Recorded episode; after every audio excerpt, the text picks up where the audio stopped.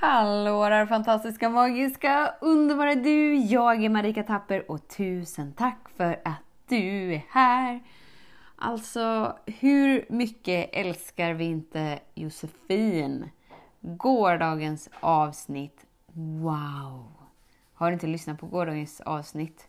Stäng av! Gör det direkt! Nej, gör inte det. Stanna kvar här, men för allt i världen, missa inte det.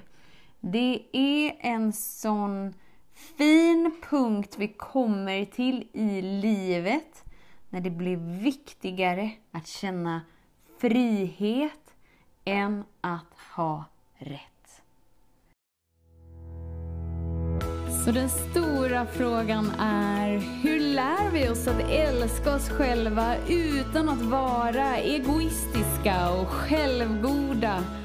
Det är frågan och denna podcasten kommer ge dig svaren på det och mycket mer. Mitt namn är Marika Tapper och varmt välkommen till Hemligheterna bakom att älska sig själv. Så känna frihet innebär att det blir viktigare att sätta ord på det som behövs sättas ord på Snarare än att ha rätt om hur det känns, att man har rätt att känna som det känns. Om vi tänker Josefin igår, så här, hon skulle kunna hålla kvar vid sin avundsjuka, hon skulle kunna hålla kvar vid sin besvikelse, hon skulle kunna hålla kvar vid känslan av att det känns lite piss och skit.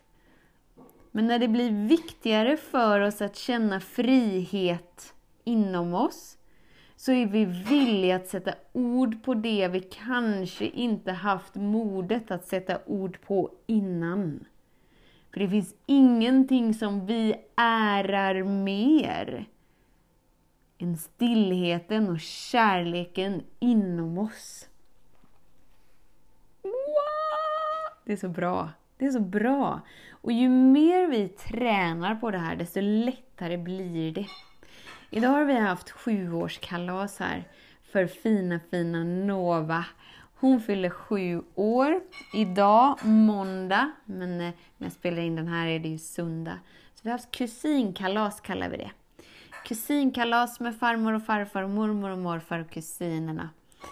En av de här härliga, underbara kusinerna, alla är ju ungefär i samma ålder. Varav den ena är lite mer överaktiv än de andra.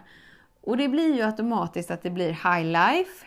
Plus att, att liksom vilken lek som än leks så kommer ju den här stackars killen alltid och bara så här bombarderar på sitt sätt för att han har inte förmågan att ta ett djupt andetag och bara känna lugnet för att hans system är inställt på något helt annat. Så till slut vad gör Marika då? Då säger jag till honom, nu kan ni alla gå upp på övervåningen, men du får stanna kvar här nere. För mig var det ett superenkelt val. För det kändes som att för mig är det viktigare liksom att, att fem barn är nöjda och så är det en som inte är nöjd, än att det är fem barn plus födelsedagsbarnet då mitt bland detta som inte är nöjda, som bara gråter gång efter gång för att det har hänt någonting, man har fått en penna kastad på sig eller vad det nu än är. Så det var så tydligt, det var så lätt för mig att bara säga alla får gå upp, ni får leka där och du stannar här. Och det var liksom ingen, det är ingen värdering i det.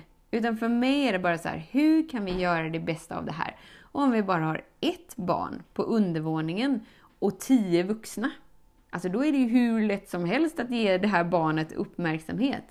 I samma stund som jag säger det, och du får stanna här nere, då hör man hans föräldrar, framförallt min bror då som är pappan. Så kan man inte göra! Det fattar du väl? Man kan ju inte säga till en att den ska bli lämnad själv, bla bla bla bla. Jo, det kan jag. Och så var det färdigdiskuterat för att man hörde min tydlighet i rösten, tror jag, jag var ju inte där alla andra var. Och för mig spelade det ingen roll. För för mig var det viktigast att känna friheten inom mig och tillgodose de flestas barn behov och vilja att leka med varandra. Att bonda och bara så här, det är kul att träffas för att vi bor inte så nära varandra längre. Och sen några minuter senare så bara frågar jag honom så här, vad du hade en robot med dig, kan du inte komma och visa? Kom, vi leker! Och så var han hur nöjd som helst. Medan hans pappa då var inställd på att det skulle bli tredje världskriget för att han blev nekad. Men tänk om det inte alltid behöver bli så som vi har en bild av att det ska vara. Och att det kan vara okej okay att vara alla versioner av sig själv.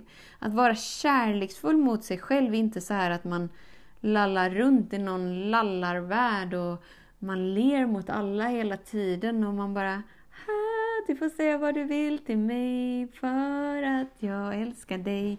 Utan det är så här, jag älskar mig själv och alla här så mycket att jag kommer göra det som behövs för att återupprätta den balansen jag vet är möjlig. Och den förmågan har du också.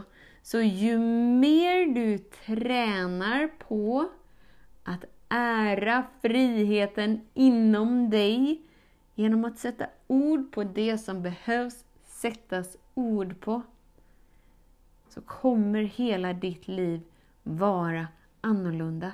För du är annorlunda med dig. Du ärar det som är inom dig. Vilket gör att du vaknar upp till ett nytt liv. Och du ger också andra möjlighet att se att man kan göra saker på annorlunda sätt. Och det ger dem tillåtelse att ära det som är inom dem. Och ett, tu, tre skiftar vi mänsklig medvetenhet tillsammans. Alltså, din inre frihet är nyckeln till fred inom dig som kommer spegla fred på vår jord. Det här handlar inte bara om lilla du och lilla jag och lilla mig. Utan dina val skiftar så galet mycket på ett mycket större plan än vad vi kanske förstår.